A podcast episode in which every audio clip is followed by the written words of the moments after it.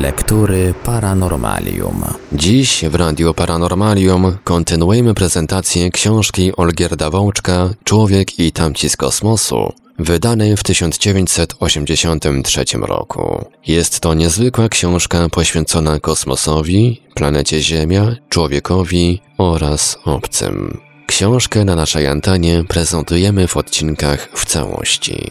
Zapraszamy do słuchania.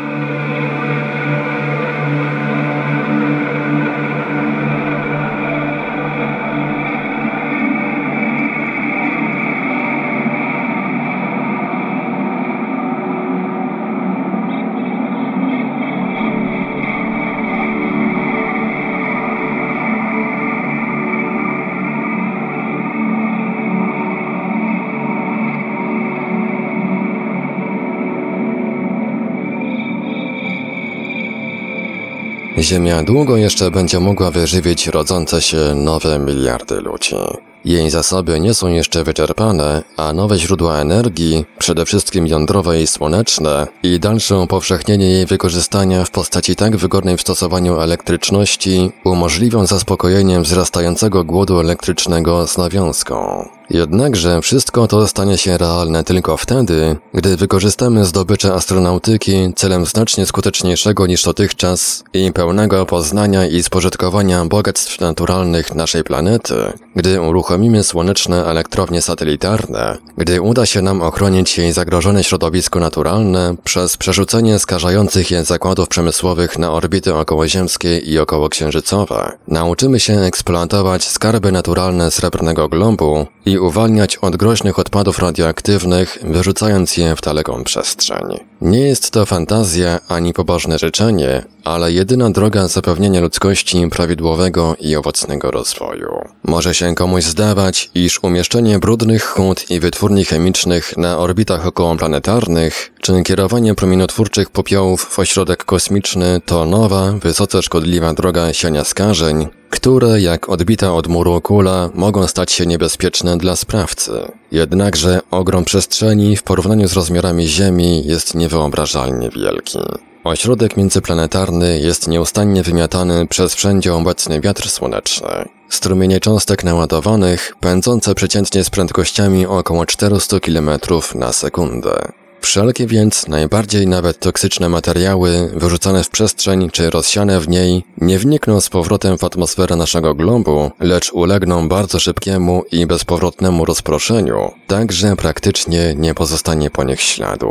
Pojemniki z wysoce niebezpiecznymi odpadami promieniotwórczymi zaś znajdą się na dalekich orbitach okołosłonecznych, a prawdopodobieństwo zderzenia ich z Ziemią i spadku na nią będzie równie znikome, praktycznie równe zeru, jak dajmy na to naszej planety z Marsem czy Wenus. Wizje Gerarda O'Neilla, na pierwszy rzut oka równie niezwykłe jak kiedyś projekty Darola Romika, są jednak znacznie bardziej spójne, bardziej przemyślane, szczegółowe i uwzględniające realia techniczne. Ich rozmiar wywodzi się nie tyle z fantazji twórczej autora, ile z konieczności życiowej. Owe osiedla zawieszone w przestrzeni muszą być w najwyższym zakresie samowystarczalne. Oto centrum systemu. Kolonia Onila. Osiedle kosmiczne 10 tysięcy ludzi. Żyją oni tam, mieszkają oraz pracują wraz z całymi rodzinami i dlatego przebywać muszą i przebywają w warunkach możliwie w pełni zbliżonych do panujących na powierzchni ich rodzimej planety. Zapróżniono szczelnymi ścianami jest pustka, czerń nocy kosmicznej, rozświetlanej jaskrawą, osiepiającą żagwią słońca i wypełnionej ostrymi ognikami gwiazd. Za wielopowłokową barierą, odcinającą pierścieniowe osiedle od ośrodka międzyplanetarnego, szaleją strumienie wiatru słonecznego, pędzą ziarna pyłowe, z rzadka przylatują większe okruchy, prawie z prędkością światła nadlatują pociski jąder promieniowania kosmicznego. W ogromnej kolonii, wypełnionej normalnym, bardzo czystym powietrzem, jest spokój. Oświetlenie, pochodzące z wielkiego zewnętrznego zwierciadła odbijającego promieniowanie słoneczne, przypomina do złudzenia blask dnia ziemskiego. Dzięki odpowiednim zmianom usytuowania reflektora, promieniowanie to pojawia się i znika też w rytmie dobowym. Po zwolna budzącym się ranku następuje jasne południe, a potem światło słabnie, nadciąga wieczór i zapada noc. Ludzie nie unoszą się swobodnie w przestronnym wnętrzu kolonii. Poddani oddziaływaniu wszechobecnej siły odśrodkowej, zastępującej tu skutecznie siłę ciążenia,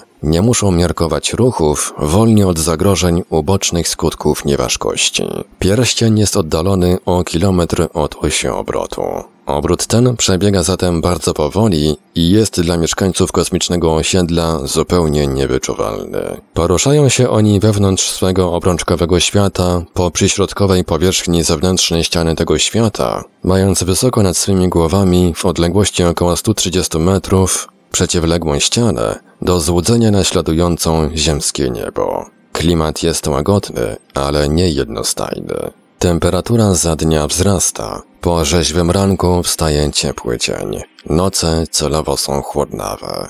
Od czasu do czasu pojawia się nawet coś w rodzaju deszczu, sztucznie wywołany opad, który oczyszcza powietrze z pyłu. Człowiek nie może być oddzielony od tego, z czym się zrósł w czasie swojego życia na Ziemi. Nie wolno mu odebrać przyrodzonego środowiska wraz z jego normalną przypadkowością zdarzeń i szumem informacyjnym odgłosów natury. Jeśli chcemy zakotwiczyć się w przestrzeni, musimy tam zabrać ze sobą część Ziemi, stworzyć możliwie pełne jej naśladownictwo i złudzenie. Tylko wtedy zapewnimy sobie niezakłócony bieg życia, prawidłowy rozwój i trwałość istnienia naszych kolonii. Wiedział o tym, tak wspaniale wyczuwał to swoją intuicją Konstanty Ciołkowski, projektując stworzenie stacji kosmicznych z sadami i ogrodami. Kolonie O'Neilla nie są więc błyszczącymi światami z plastiku i metalu, wypełnionymi automatami, które na pojedynczy głos czy gest wyręczają człowieka we wszystkich czynnościach, otwierają mu nawet wszystkie drzwi i przenoszą w mgnieniu oka w dowolne, wskazane przez niego miejsce. Ludzie mogą tylko i muszą żyć w środowisku jak najbardziej zbliżonym do naturalnego, wśród drzew i kwiatów, i chociaż od czasu do czasu słyszeć brzęk owada, trzepotanie skrzydeł ptaka, wszystko to będzie wokół nich w kosmicznych ośrodkach, stwarzając im fizyczne i psychiczne warunki normalnego istnienia. Dlatego też mieszkać oni będą tam w domach ukształtowaniem przypominających takie, jakie są na naszej planecie. Ze względu na specyficzne warunki, Sztuczne ciążenie będzie mniejsze od ziemskiego chyba nawet dwu albo trzykrotnie, bo to wystarczy do zapewnienia dobrego samopoczucia i sprawności. Pomieszczenia mieszkalne będą miały lekką konstrukcję o ścianach cienkich, choć dobrze izolujących dźwięki, aby lokatorzy nie czuli się jak w kiepsko wykonanym bloku, gdzie słyszy się kłótnie sąsiadów z drugiej klatki schodowej. Za oknami rosnąć będą drzewa i krzewy, kwiaty i jarzyny. Cały ten ogród wypełni obszar z górą 60 hektarów, dostarczając mieszkańcom tyle świeżej żywności, że będą oni w zasadzie samowystarczalni. Natomiast surowce mineralne wypadnie czerpać spoza kolonii. Dowóz ich z Ziemi byłby zbyt kosztowny, zwłaszcza, że osiedla zakładać się będzie nie na niskiej orbicie satelitarnej, lecz w tak zwanym punkcie libracyjnym Lagrange'a, znajdującym się w takiej samej odległości od naszego globu i od Księżyca, jak one od siebie, to znaczy około 380 tysięcy kilometrów. Punkt ten ma osobliwą i cenną własność, że ciało umieszczone w nim lub w bezpośrednim jego pobliżu pod działaniem sił grawitacyjnych pozostaje tam trwale. Zawiesiwszy więc kolonię O'Neilla w takim miejscu przestrzeni, nie trzeba się już martwić o to, że mogłaby ona się stamtąd wymknąć i polecieć w niepożądanym kierunku. Warunkiem nie tylko istnienia, nie tylko rozwoju, ale i utworzenia tego rodzaju kosmicznych osiedli jest wykorzystanie zasobów pozaziemskich, materiałów z Księżyca i energii ze Słońca. Stanie się to jednak możliwe i na to zwrócił uwagę Gerard O'Neill dopiero wówczas, gdy będzie spełniony pewien podstawowy warunek. Zgromadzenie w przestrzeni w owym punkcie Lagrange'a tak zwanej krytycznej liczby pracowników i sprzętu. Mamy tu w pewnym sensie sytuację podobną jak w reaktorze jądrowym. Ten piec uranowy czy plutonowy może być uruchomiony dopiero wtedy, gdy zawiera w swym wnętrzu dostateczną ilość paliwa atomowego, zwaną masą krytyczną. Jeśli materiału tego jest zbyt mało, reaktor nie może się rozpalić i dostarczać energii. Ową masę krytyczną osiedli Onila stanowi zespół około 10 tysięcy ludzi. Oczywiście znajdzie się on w miejscu przeznaczenia nie od razu. Można sobie wyobrazić ów plac budowy pod gwiazdami, zawieszony nad kosmiczną otchłanią, początkowo przypominający jego niezbyt wzorowe ziemskie odpowiedniki.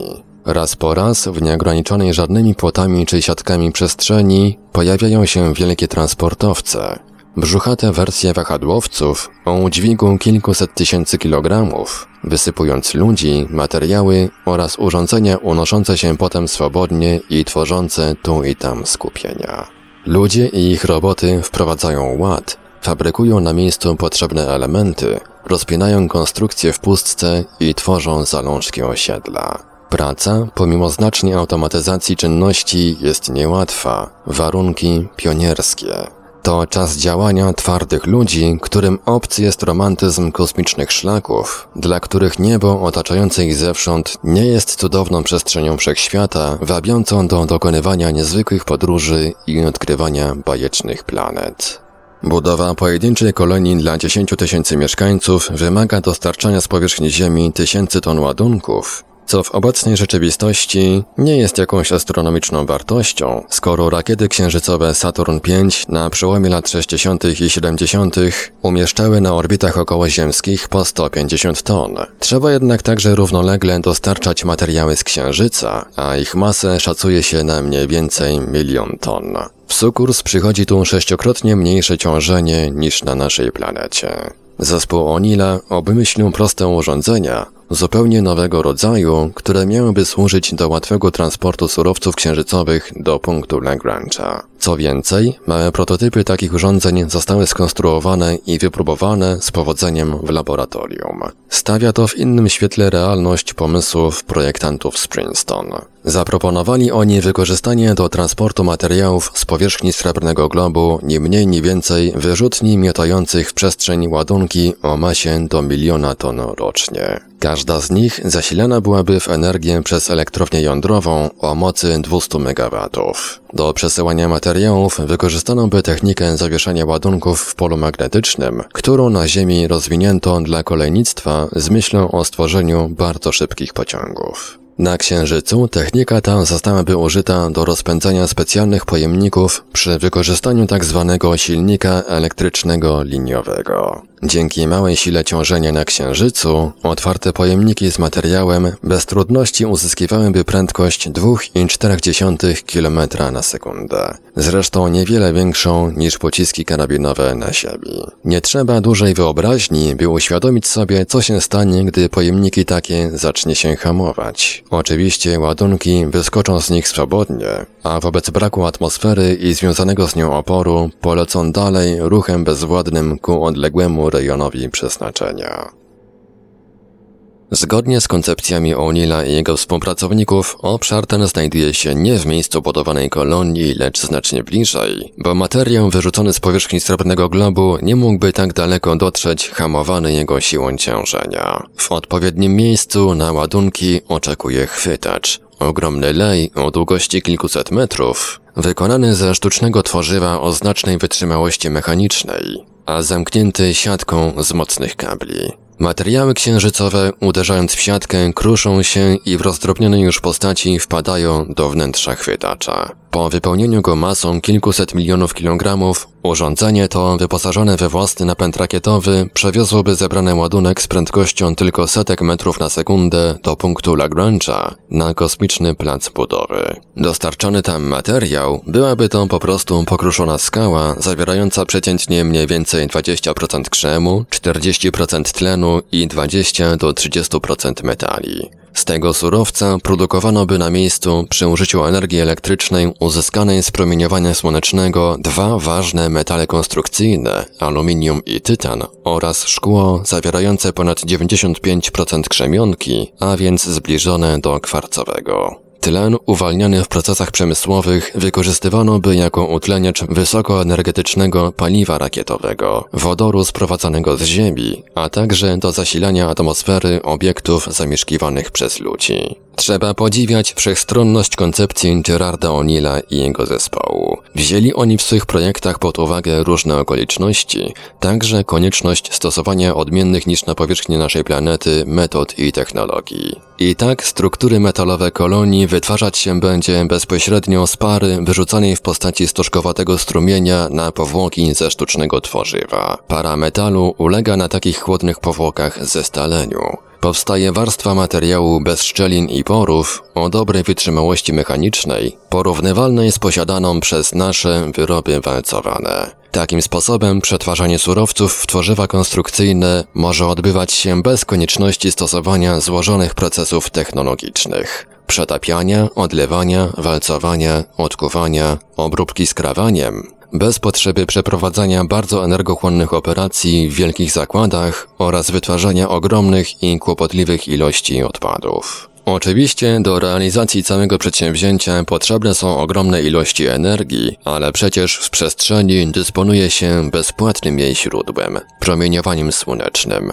Jeszcze zanim Gerard O'Neill wystąpił ze swymi niezwykłymi projektami, inny specjalista amerykański, Glazer, zaproponował stworzenie elektrowni satelitarnych wykorzystujących głównie światło naszej gwiazdy. Widział on olbrzymie skrzydła pokryte ogniwami baterii fotowoltaicznych krążące po orbitach okołosiemskich. Skrzydła o powierzchni hektarów czy nawet kilometrów kwadratowych, gdzie padająca energia promieniowania słonecznego byłaby przekształcana w elektryczność. Ta z kolei wytwarzałaby wiązki mikrofal kierowane przez wielkie układy antenowe ku znajdującej się daleko w dole Ziemi. Tam inne anteny odbierałyby ową niecodzienną transmisję, a zabsorbowana energia promieniowania radiowego byłaby z powrotem przekształcona w elektryczność. Oszacowano, że tego rodzaju zasilanie naszej gospodarki energią kosmiczną, pomimo ogromnych rozmiarów przedsięwzięcia, elektrownie satelitarne musiałyby mieć moc co najmniej po 5 gigawatów, byłoby zupełnie bezpieczne dla ludzi. Natężenie promieniowania wiązek mikrofal, nawet przy samych antenach odbiorczych na powierzchni Ziemi, miałoby wartości mniejsze od dopuszczalnych norm.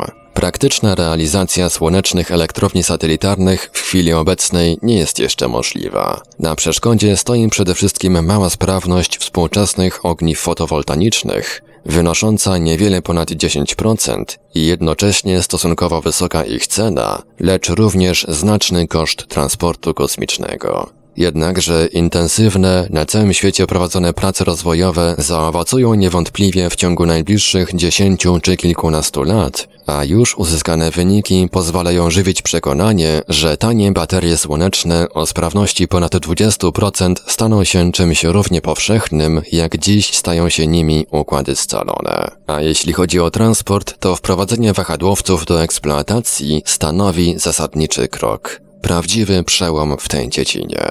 Gerard O'Neill, jego współpracownicy i koledzy nie zatrzymali się na pojedynczym projekcie. Pomyśleli o innych, doskonalszych jeszcze osiedlach, o kształcie pary obracających się walców o coraz to większych średnicach. Najmniejszy taki układ o długości kilometra, przeznaczony również dla trzonowej załogi 10 tysięcy ludzi, mógłby powstać w ciągu mniej więcej 15 lat. Jego kolejna wersja miałaby już długość z góra 3 kilometrów, a średnice obu cylindrów byłyby dziesięciokrotnie większe. W tym ogromnym osiedlu znalazłoby schronienie i pracę aż 200 tysięcy mieszkańców. Budując kolejno coraz przestronniejsze wersje takich kolonii, stworzono by w końcu giganty o długości 32 kilometrów. 20-milionowe metropolie. Ekstrapolując niezakłócony rozwój kosmicznych osiedli Onila, dochodzi się do zaskakujących wniosków. Już za lat 80 owe niezwykłe konstrukcje powinny pomieścić ponad 16 miliardów ludzi. W połowie zaś wieku XXI zamieszkana powierzchnia tych kolonii byłaby pięciokrotnie większa niż wszystkich lądów naszej planety. Nie można tego wszystkiego traktować jako ścisłej prognozy, gdyż nie magia liczby zadecyduje o kształcie naszej przyszłości, ani też najbardziej logiczne rozumowanie. Jest jednak oczywiste, że rezygnując z mocnego zakotwiczenia się w przestrzeni okołoziemskiej, ze stworzenia rozbudowanych baz, z wykorzystania surowców pustego i jałowego księżyca, pozbawilibyśmy się jedynie szansy rozwojowej. Dlatego ludzie będą pomimo wszystko wychodzić coraz liczniej w przestrzeń i przebywać tam coraz dłuższy czas. A to z kolei owo zetknięcie ze środowiskiem kosmicznym, przede wszystkim wchłanianie zwiększonych dawek promieniowania kosmicznego, przenikanie ciężkich pocisków jądrowych do naszego aparatu genetycznego zwiększy częstotliwość naszych przemian. Rodzić się będą nowi ludzie, zapewne jedni słabsi, wrażliwsi i skazani na szybsze zniknięcie, a inni nawet lepiej przystosowani do pobytu w dalekiej przestrzeni niż na powierzchni swej macierzystej planety. To oni znajdą się w awangardzie przyszłych zdobywców kosmosu, mieszkańcy międzyplanetarnego ośrodka, spoglądający coraz dalej i dalej ku odległym planetom, a potem ku zdawałoby się nieosiągalnym gwiazdom. Ludzkość na Ziemi bardzo się zmieni, być może znaczna część jej niezliczonych mieszkańców utraci pęd ku wielkiej przyszłości, Żyć będzie niewykluczone w dużych wyrzeczeniach lub zapatrzona w głąb materii, a nie jej dale. Ale właśnie oni, ludzie kosmicznego przestworu, rozszerzając wykorzystanie jego nieskończonego środowiska na potrzeby ich macierzystego globu i prąd wciąż naprzód, przerzucając mosty nad otchłanią bez dna, coraz śmielsze, sięgające do gwiazd nieznanych, zabezpieczą nieprzerwany rozwój Ziemi, jej jedynej kultury i cywilizacji. Być może oni też zrealizują dawne marzenia Ciąkowskiego. Odlecą od naszego globu w przestrzeń międzyplanetarną w swych wielkich metropoliach, wyposażonych we własny napęd. Tak sobie to wyobraża Kraft Erike, projektując tworzenie kosmicznych miast, Androsel czy Androsphere, zdolnych do niezależnego bytu, czerpiących substancje z obcych planet czy planetoid, a energię ze Słońca, natomiast z Ziemią utrzymujących tak ważne dla rozwoju obu stron więzi informacyjne. A jednocześnie przebiegać będzie intensywne wykorzystanie Księżyca nie tylko jako źródła surowców, ale również jako jedynego w swoim rodzaju laboratorium naukowego i poligonu technicznego. Zwłaszcza po przeciwnej stronie srebrnego globu, gdzie nie sięgają zakłócenia biegnące z ziemi, gdzie z dala od osiedli ludzkich przeprowadzać będzie można na dużą skalę nawet ryzykowne eksperymenty z materią w ekstremalnych stanach. Zdobywając nad nią władzę poza ziemią, czerpiąc coraz skuteczniej ze skarbca energii zamkniętej we wnętrzu jąder atomowych, uniezależniając się od sił, które do niedawna tak nas skutecznie pętały, Staniemy się niby nowocześni bogowie, nieprawdopodobnie potężni i wyzwoleni. A przecież wciąż będziemy tylko iskierkami rozumu, rozbłyskującymi w nieskończonych przestrzeniach wszechświata, zapalającymi się i gasnącymi, tak licznymi, a tak ograniczenie małymi, skupiskiem iskierek w znikomo drobnym fragmencie przestrzeni. Marsjanie Krwawo płonące światło na niebie, jakby zwiastun wojny i śmierci, od najdawniejszych czasów budziło niepokój ludzi i rozpomieniało ich wyobraźnię. Dla dawnych Egipcjan było ono Harmachisem, Sumerów Simudem, Babilończyków Nirgalem. W starożytnej Grecji symbolizowało ono boga wojny Aresa, który w Rzymie utożsamił się z Marsem. Jest to niezwykłe ciało niebieskie, z magiczną siłą przyciągające ludzki wzrok, działające na naszą wyobraźnię w sposób wyjątkowy. Już bardzo dawne ludy rozpoznawały w nim planetę bliską Ziemi, mającą szczególny wpływ na nasze losy. Nawet jednak wtedy, gdy staliśmy się bardziej racjonalni i jednocześnie zaczęli obserwować powierzchnię Marsa przez lunety, rychło dostrzegając na niej czapy biegunowe, osobliwa aura wokół tego ciała niebieskiego bynajmniej nie uległa rozproszeniu. Miejsce dawnych mitów zajęły nowe, a wyobraźnia uzupełniała niedostatki spostrzeżeń przy użyciu zmysłów i wspomagających je sztucznych narzędzi. Wierzono, że Mars, podobnie jak inne planety naszego układu, jest zamieszkany, że istnieją Marsjanie. Urodzony w Niemczech muzyk William Herschel, który z amatora stał się słynnym astronomem i budowniczym wspaniałych wówczas teleskopów, na podstawie obserwacji wykonanych w roku 1777 stwierdził m.in., że oś obrotu Marsa ma prawie takie samo pochylenie względem płaszczyzny orbity jak w przypadku Ziemi. Wyciągnął on stąd wniosek, iż na czerwonej planecie powinny również występować cztery pory roku. Co więcej, sądził, że Mars ma znaczną, lecz umiarkowanie gęstą atmosferę. Ponieważ zaś długość doby jest tam prawie dokładnie taka sama jak na naszym globie, Herschel wyraził przekonanie, że tamtejsi mieszkańcy prawdopodobnie znajdują się w podobnej sytuacji jak my sami. Były inne jeszcze analogie. Herschel, tak zresztą jak i różni jego poprzednicy, uważał ciemne obszary na powierzchni czerwonej planety za zbiorniki wodne, a jasne za ląd. W błyszczących zaś białych czapach polarnych, odkrytych już o przeszło 100 lat wcześniej przez Giovanniego Cassiniego, dopatrywał się śniegów i lodów, podobnie jak na siebie. Co więcej, zauważył on, że czapy te nie mogą być grube, ponieważ w czasie lata na danej półkuli Marsa rozmiary ich bardzo się zmniejszają wskutek, jak można było sądzić, topnienia i parowania. A więc bliźniacza planeta, choć wyraźnie mniejsza od naszej, bardziej odległa od Słońca, a więc chłodniejsza, o rzadszej atmosferze, ale z pewnością nadającej się do oddychania. I starsza niż Ziemia. Na bardzo długo utrwaliło się przekonanie, iż Wenus jest w wieku młodzieńczym, nasz glob dojrzałym, a Mars w okresie daleko posuniętego rozwoju.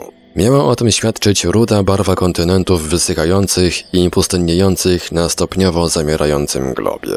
W żadnącej z biegiem czasu atmosferze obserwowano też tylko z rzadka obłoki, a także żółte tumany, zapewne chmury piasku niesionego przez wichurę. Lecz glob ten zdawał się jeszcze żywy. Wiosną, kiedy ustępował szron i lody, powierzchnia Marsa zmieniała się. Ciemniała w kierunku od równika ku malejącej czapie biegunowej, jakby stopniowo pojawiała się na niej roślinność. Ludzie chcieli w to wierzyć i wierzyli. Wiedzieli też na czerwonej planecie świat dojrzalszy, doskonalszy od ich własnego. Świat, w którym kultura i cywilizacja osiągnęła wyższy poziom i tęsknili za jego poznaniem, żywiąc przekonanie, że jego tajemnice są skarbami godnymi zazdrości i posiadania. Każdy jednak inaczej wyobrażał sobie krainy Marsa i jego mieszkańców. Stałem na wybrzeżu, pisał Gustav Lerouche w swoim więźniu na Marsie, obłożonym granitem, przed portykiem pokrytym plamami pleśni odwiecznej. Z drugiej strony cztery czarne postacie nieruchome, naturalnej wielkości, klęczały przed wielką płytką czarą, w której błyszczał jakiś przedmiot, który wziąłem zrazu za drogocenny kamień niezwykłych rozmiarów. Postacie te, wykute w granicie, z szorstką zwięzłością starożytnego rzeźbiarstwa, wyobrażały Eriora, człowieka i podwodnego mieszkańca bagnisk, Czwarta była dziwnym tworem, pół mięczakiem, pół nietoperzem, jakich wiele widziałem wyszytych na materiach. Domyślałem się, że błyszczący kamień musiał być bożyszczem tych wszystkich istot. Odpocząwszy i posiliwszy się, uczyłem łatwą do wytłumaczenia ciekawość obejrzenia owego kasku czy hełmu, dla zdobycia którego narażałem się na takie niebezpieczeństwa. Włożyłem na głowę, lecz z chwilą, gdy oczy moje znalazły się na wprost otworów hełmu, w których były osadzone przejrzyste kamienie, zaszła we mnie dziwna zmiana. Mrok panujący w galerii rozjaśnił się nową światłością. Ujrzałem promienie nieznanego mi światła fosforyzującego w kolorach ciemnozielonym i ciemnofiołkowym. A więc ów hełm, słusznie uważany przez swych dawnych posiadaczy za przedmiot tak bezcenny, robił siatkówkę oka czułą na promienie niewidzialne widma słonecznego i inne promieniowanie tego rodzaju. Zaledwie ochłonąłem ze zdumienia, jakim mnie napełniło to odkrycie, kiedy usłyszałem, że tuż koło mnie przesunął się jakiś kształt skrzydlaty i minąwszy mnie w przelocie zniknął w kierunku szklanej wieży. Poszedłem za nim dziwnie wzruszony, przeczuwając, że wkrótce przeniknę otaczającą mnie tajemnicę. Podczas drogi przeletywały tuż obok mnie inne cienie, lecz tak szybko, że zaledwie mogłem je zauważyć. Wybiegłszy na kręcone schody, znalazłem się w korytarzu jednej z nisz. Słów mi braknie, aby wam dać pojęcie o straszliwym zjawisku, które ujrzałem. Żadna nazwa ludzka nie potrafi określić grozy i zdumienia, które mnie przejęły. Ujrzałem olbrzymią, ohydną głowę na dwóch brudno-białych skrzydłach. Zamiast tułowia zwisała ku dołowi wiązka długich ramion czy macek uzbrojonych ssawkami, wijących się po ziemi jak kłąb wężów. Oczy były szeroko otwarte, lecz bez źrenic, nos szeroki, a usta czerwono-krwistego koloru. Koniec cytatu. Lerouche ukazał w swojej powieści jeszcze jednego mieszkańca czerwonej planety. Superinteligencję. Wielki mózg. Cytat. Grota miała około 10 kroków długości i kończyła się okrągławym wgłębieniem, skąd wychodziło owo lekkie światło. Zbliżyłem się i patrzyłem, jak gdyby przez zamgloną szybę, widząc z początku jakieś niepewne zarysy, zbiorowisko zwojów przeżynanych regularnymi wgłębieniami. Lecz nagle światło stało się mocniejsze i ujrzałem wyraźnie. W najzuchwalszych, najszaleńszych domysłach nie byłbym nigdy przypuścił podobnej rzeczy. Ujrzałem przed sobą olbrzymi, potworny mózg, którego czaszką była ta góra wysoka jak Mont Blanc. Koniec cytatu. Dziś takie widzenie Marsjan wydaje się nam wysoce naiwne. Erlory z błoniastymi skrzydłami, przypominające uczłowieczone nietoperze, beztułowi niewidzialni, głowy z więcej masek unoszące się w atmosferze Marsa na podobieństwo jakichś ogromnych owadów, czy wreszcie zamknięty w gigantycznej grocie skalnej wielki mózg, to tylko nowomodne wersje stworzeń, których rodowód sięga Gorgon, Syren i Centaurów. Dlatego też bardziej do naszej wyobraźni przemawia Ray Bradbury, który w swoich wspaniałych kronikach marsjańskich tak pisze. Cytat. Mieli dom z kryształowych kolumn na planecie Mars przy brzegu pustego morza i każdego rana mogliście zobaczyć panią K jedzącą złote owoce, które wyrastały z kryształowych ścian lub czyszczącą dom garściami pyłu magnetycznego, wywiewanego następnie wraz z całym pochłoniętym brudem przez gorący wiatr.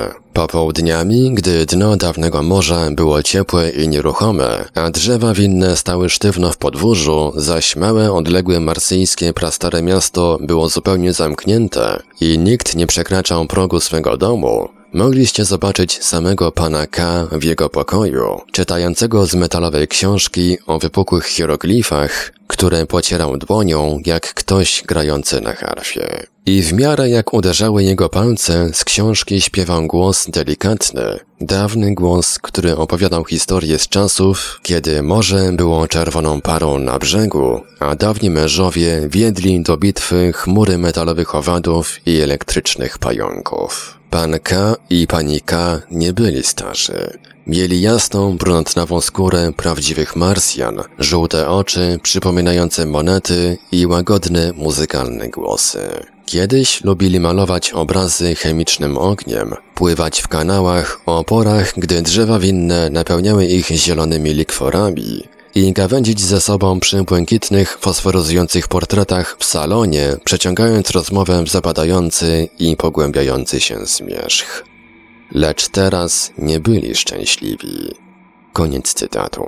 Marsjanie Bradbury'ego są innymi istotami niż ludzie, bardziej uduchowionymi, istniejącymi jakby w oddali, w jakimś innym wymiarze, poddani nieuchronnemu działaniu czasu, ale w tempie zwolnionym i nieregularnym, a jednocześnie wynurzeni z jego nurtu, widzący rzeczy, które nadejdą. Jakże kontrastują z nimi tolstojowscy magacytlowie, pochodzący z legendarnej Atlantydy. Magacytlowie, pisze w swej elicie Aleksiej Tolstoj, lecieli w aparatach z brązu, mających kształt jaja, poruszonych energią wytwarzającą się przy rozpadzie materii. W ciągu 40 dni opuścili Ziemię. Mnóstwo gigantycznych jaj zginęło w przestrzeni międzyplanetarnej, mnóstwo rozbiło się o powierzchnię Marsa. Niewielka ich liczba lądowała bez uszkodzeń na równinach podzwrotnikowego lądu. Kronika opowiada. Wyszli z jaj synowie nieba, wysocy i czerwonowłosi. Mieli żółte, płaskie twarze. Na hełmach nosili ostre grzebienie. Każdy z nich trzymał w lewym ręku krótki miecz, w prawym zwój formułek, które stały się zgubą dla biednych, nieuświadomionych narodów tumy. Magacytlowie mieli wiedzę i siłę, przylecieli jednak bez kobiet. Po latach krwawych i tragicznych walk z barbarzyńskimi Marsjanami nastąpił wreszcie rozejm upragniony przez obie strony. Magacytlowie pojęli dziewice aolskie za żony i narodziło się błękitne plemię gór. Wówczas rozpoczęto budowę 16 gigantycznych zbiorników Ro, w których zbierała się woda w okresie topnienia śniegów na brzegach. Bezpłodne równiny zostały przecięte kanałami i nawodnione. Z popiołów i ruin wyrosły nowe osiedla Aolów. Pola dawały wspaniałe plony. Wzniesiono mury Soacery. Przy budowaniu zbiorników i murów magacytlowie posługiwali się gigantycznymi dźwigniami, poruszającymi zadziwiającą maszynerię. Dzięki potędze swej wiedzy potrafili oni przesuwać ogromne głazy i wpływać na wzrost roślinności. Wiedzę swą zapisywali do ksiąg kolorowymi plamami i gwiaździstymi znakami. Koniec cytatu. Różni twórcy i naukowcy odmiennie widzieli Marsjan, ale znakomita większość dopatrywała się w nich istot bardzo inteligentnych, przewyższających wiedzą Ziemian o całe niebo. W oczach niektórych rodowici mieszkańcy Czerwonego Globu byli w ogóle pozbawieni uczuć, kierując się racjami wyłącznie rozumowymi i uwzględniając tylko własny marsyjski punkt widzenia, stawali się istotami apokaliptycznymi, wkraczając w rzeczywistość innych, również obdarzonych umiejętnością myślenia, jak w głośnej wojnie światów Wellsa. Wydając się na mnie ludzcy, pomimo wszystko stanowili zawsze jakieś odzwierciedlenie nas samych, gdyż nie potrafiliśmy spojrzeć na nich z nieantropocentrycznego punktu widzenia. Dlatego też, studiując powierzchnię czerwonej planety przy użyciu coraz doskonalszych narzędzi, poszukiwaliśmy tam śladów działalności takich właśnie istot, obdarzonych jednak zwielokrotnioną potęgą człowieka. Nieoczekiwanym spełnieniem takich nadziei stały się wyniki badań wykonanych niewiele ponad 100 lat temu w mediolańskim obserwatorium Brera. Jego dyrektorem był wówczas Giovanni Virginio Schiaparelli, poważny uczony, o żywej jednak wyobraźni i włoskim temperamencie. Korzystając z niezłego teleskopu, a jednocześnie z doskonałej widoczności, sporządził on nowe, dokładniejsze mapy Marsa, wprowadzając na nich własne nazwy, z których wiele zachowało się po dziś dzień. Bardzo znany stał się jednak przede wszystkim dlatego, że on pierwszy zwrócił powszechną uwagę na specyficzne prostoliniowe twory, dostrzegane w czasie obserwacji powierzchni czerwonej planety, które stały się na długie lata sensacją nie tylko naukową. Owe kanali nie zostały jednak odkryte po raz pierwszy przez Schiaparelliego. Wiedzieli je już dawniej świetni obserwatorzy, tacy jak Kaiser, Lokier, Secchi, a nawet jeszcze z końcem XVIII wieku Johannes Schröter. Dostrzegał w nich szerokie, naturalne drogi wodne, łączące różne ciemne obszary planety uważane za większe zbiorniki. Szerokość tych dróg musiałaby jednak wynosić wiele kilometrów, jeśli były one dostrzegalne przez ówczesne teleskopy o miernej zdolności rozdzielczej. Trudno więc twory takie uznać za kanały w zwykłym tego terminu znaczeniu, sugerującym sztuczne ich pochodzenie. A przecież takie właśnie było powszechne odczucie ludzi. Liczba kanałów dostrzeżonych przez mediolańskiego astronoma z biegiem lat wzrosła do 113, chociaż on sam zastrzegł się, że podczas jednorazowej obserwacji czerwonej planety widzi się tylko niewiele z nich. Inny wybitny badacz Marsa, Percival Lowell, twórca słynnej placówki badań planet we Flagstaff w Arizonie, zauważył znacznie większą liczbę kanałów, bo ponad 500, tak że sporządzone przez niego mapy czerwonej planety to w istocie ich siatki. I oto zaczęła się światowa kariera idei marsyjskich kanałów. Sam Schiaparelli był raczej ostrożny w swych wypowiedziach. Już pod koniec XIX wieku pisał on na temat tych tworów m.in., że, cytat, nie jest konieczne uważanie ich za dzieło istot inteligentnych, i że, cytat, jesteśmy obecnie skłonni uważać je za wytworzone w przebiegu ewolucji planety. Koniec cytatu. Dyskutując dalej, dostrzeżone przez niego zjawisko rozdwajania się niektórych kanałów, włoski astronom z Mediolanu stwierdził, iż ich szczególny wygląd, cytat, jakby powstały one przy współdziałaniu linijki i kompasu, spowodował, iż niektórzy dopatrują się w nich dzieła mieszkańców planety. Osobiście jestem bardzo ostrożny, nie chcąc dyskutować tego domniemania, które jednak nie stanowi czegoś niemożliwego. Koniec cytatu.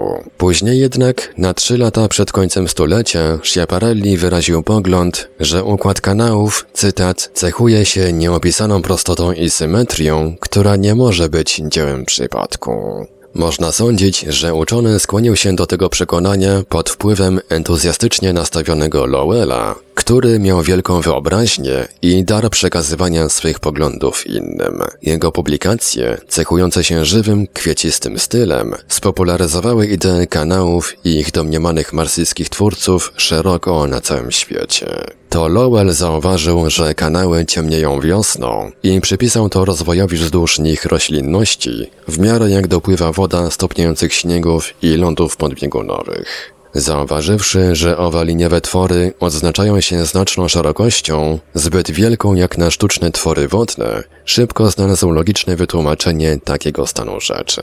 Santo, pisał Lowell, po prostu obszary wegetacji otaczającej rzeczywiste kanały, które same są niepostrzegalne. Obok entuzjastów istnienia kanałów i ludzi wierzących w ich sztuczne pochodzenie, byli też przeciwnicy takich poglądów, którzy zwalczali je sięgając do rzeczowych argumentów. Do takich przeciwników należał w szczególności wybitny astronom francuski, urodzony jednak w Konstantynopolu w rodzinie greckiej, Orzę Antoniadi. Korzystając z doskonałego teleskopu podparyskiego obserwatorium w Modon, o średnicy prawie dwukrotnie większej niż najlepsze narzędzie, jakim posługiwał się Schiaparelli, Antoniadi stwierdził, iż pozornie liniowe twory na Marsie widzi się tylko wskutek zbyt małej zdolności rozdzielczej używanego instrumentu.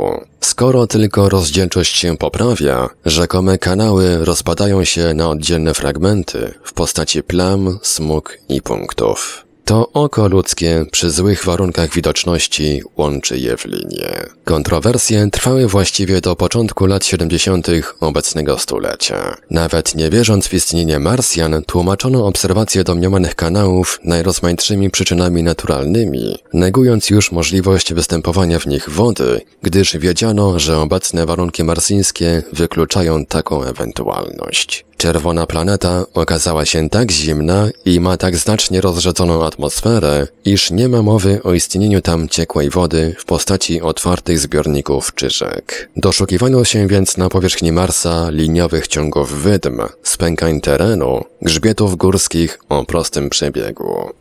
Pojawianie się i znikanie kanałów przypisywano zmianom oświetlenia, a także gromadzeniu się lub zwiewaniu przez wiatry pyłu, dzięki czemu szczegóły rzeźby terenowej stawały się widoczne albo zanikały. Przełom nastąpił dopiero w ciągu ostatniego dziesięciolecia, a zawdzięczamy go znakomitej aparaturze telewizyjnej próbników Mariner 9 oraz Viking. Dzięki ogromnemu postępowi techniki wykonywania, a następnie obróbki zdjęć, udało się w roku 1980 uzyskać obrazy, na których w poszczególnych przypadkach można rozróżnić szczegóły o rozmiarach zaledwie 8 metrów. Tak więc na Marsie praktycznie nic się nie może ukryć przed naszym wzrokiem. I mit prysnął. Ostały się tylko pojedyncze twory, pokrywające się z oryginalnymi kanałami widzianymi przez Schiaparelliego. Należy do nich przede wszystkim Agatodemon, w miejscu którego odkryto ogromny system kanionów nazwany Dolinami Marinera.